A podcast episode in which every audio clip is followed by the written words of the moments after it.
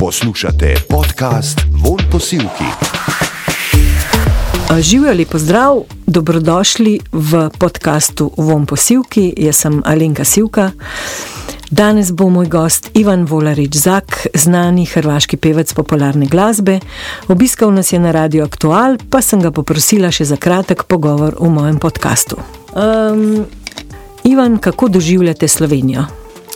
Slovenija me je oduševila što ima odlične ljude koji se znaju dobro i iskreno zabavljati, a osim toga Slovenija ima prelijepu prirodu i sviđa mi se u Sloveniji kad sam prolazio po nekim manjim mjestima kako je sve uređeno, Sloveniju doživljavam kao jednu pravu uređenu europsku zemlju. Lepo, rekli ste da se Slovenci znamo zabavati. Kako se zabavate vi? Pa kao i vi Slovenci. Kako je to? ne bi često ja bio u Sloveniji da to nije tako. Mislim da smo onako isti, jer ovoga, Slovenci vole dobro, dobar žur, dobru glazbu, vole veselu glazbu, vole i osjećajnu glazbu. Meni su prije znali menadžeri govoriti, znaš u Sloveniji ti treba samo nešto brzo, samo da je brzo. I onda ja onako dođem i vidim da to nije publika baš koja želi samo brze, brze pjesme. To je publika koja želi dobre pjesme. Kakšno glasbo poslušate sicer? Ne mislim vaše glasbe. Pa ja svoju glazbu uopće ne slušam. Jer mi je do- dosta kada pjevam na koncertima, a prije toga ja radim u studiju i onda mi stvarno ne pada na pamet da slušam to u autu kasnije. Ok. E, Slušam ono kad naletim na nekoj radio stanici ili na aktualu, onda čujem, e, to sam tad radio pa se sjetim. Ali najčešće slušam svoje kolege jer volim ono, volim kad neko nešto napravi dobro pa kad mi neka pjesma ono zapne za uho, ja ju vrtim ono tjednima u autu i ja i takav sam. Imam periode kad volim nešto veselije, nešto modernije, pa onda slušam neku stariju glazbu, zavisi ono u kakvom sam periodu, pa u stvari je bitno uvijek samo dobra pjesma, a nije bitno da li ona moderna, da li stara.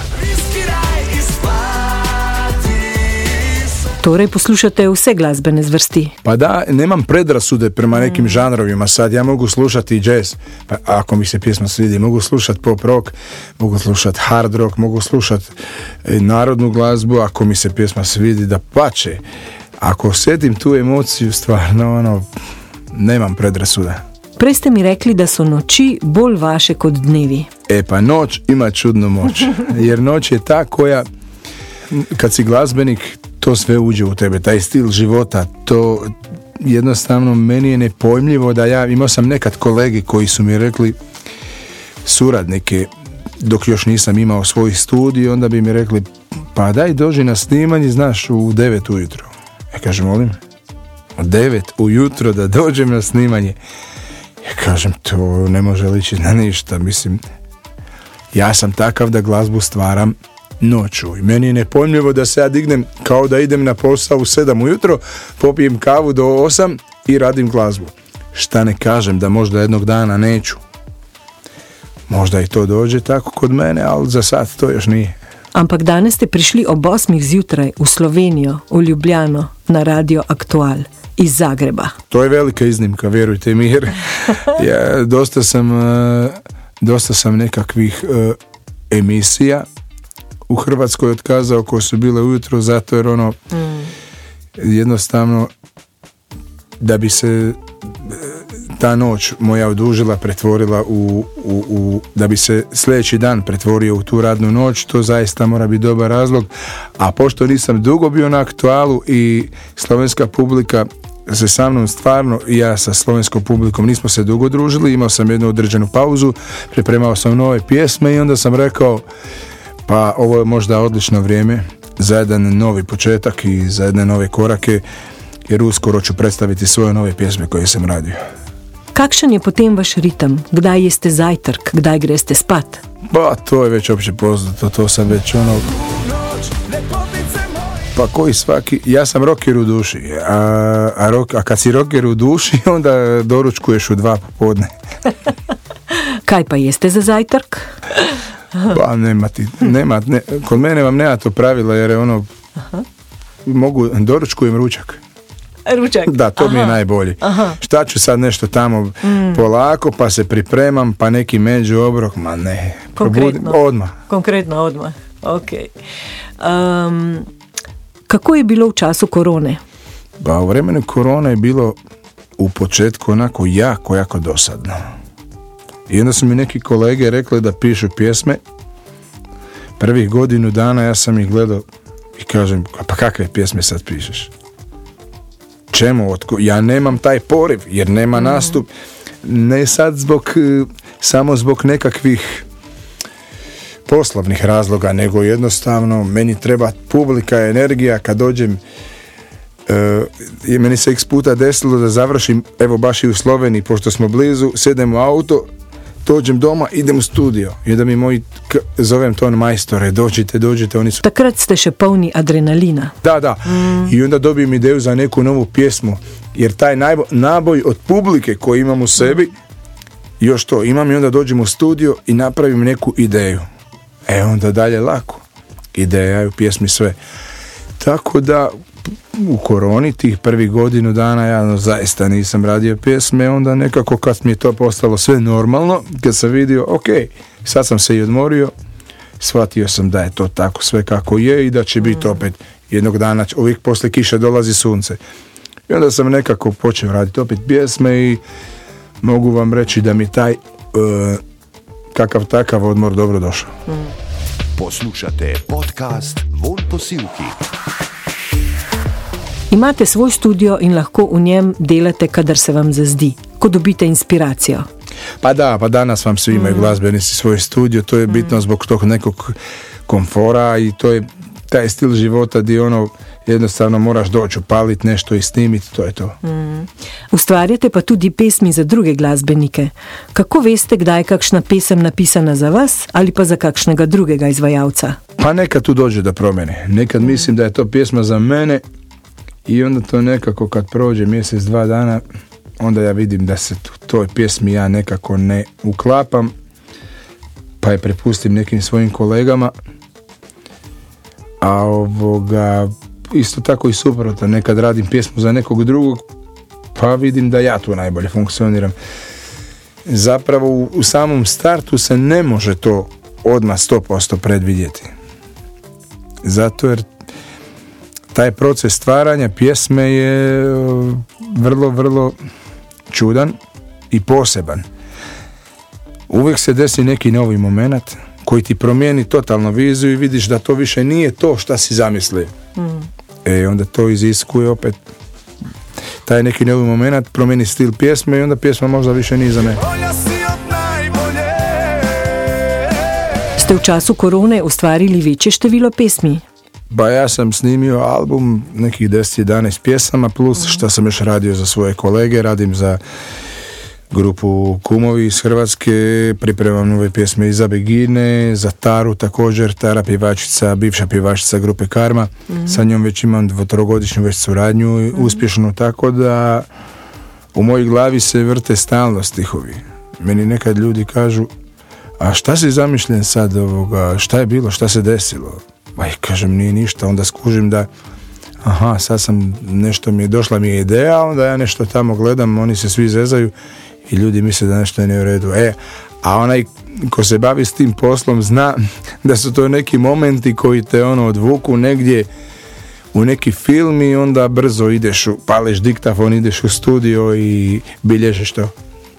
Kakšno mesto pa imajo ženske v vašem življenju? O, žene su zaslužile u e, životima nas muškaraca uvijek posebno mjesto i žene su blago jer zapravo da nema vas, mi nemamo smisla. I to je to. Lepo in nasprotno, ne? Uzajamno je tako. Vzajemno tako. Katere stvari pa so v življenju zares pomembne?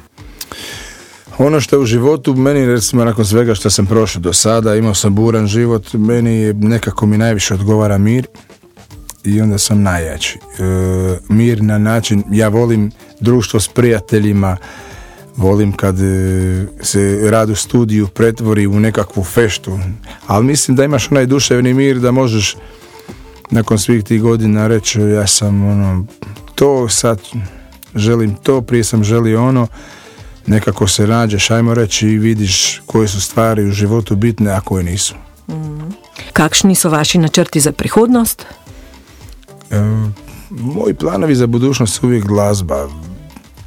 Htio bi da sam i dalje okružen ljudima koje volim, do kojih mi je stalo, da živim jedan normalan život. E, planovi za budućnost su da imam dobru budućnost.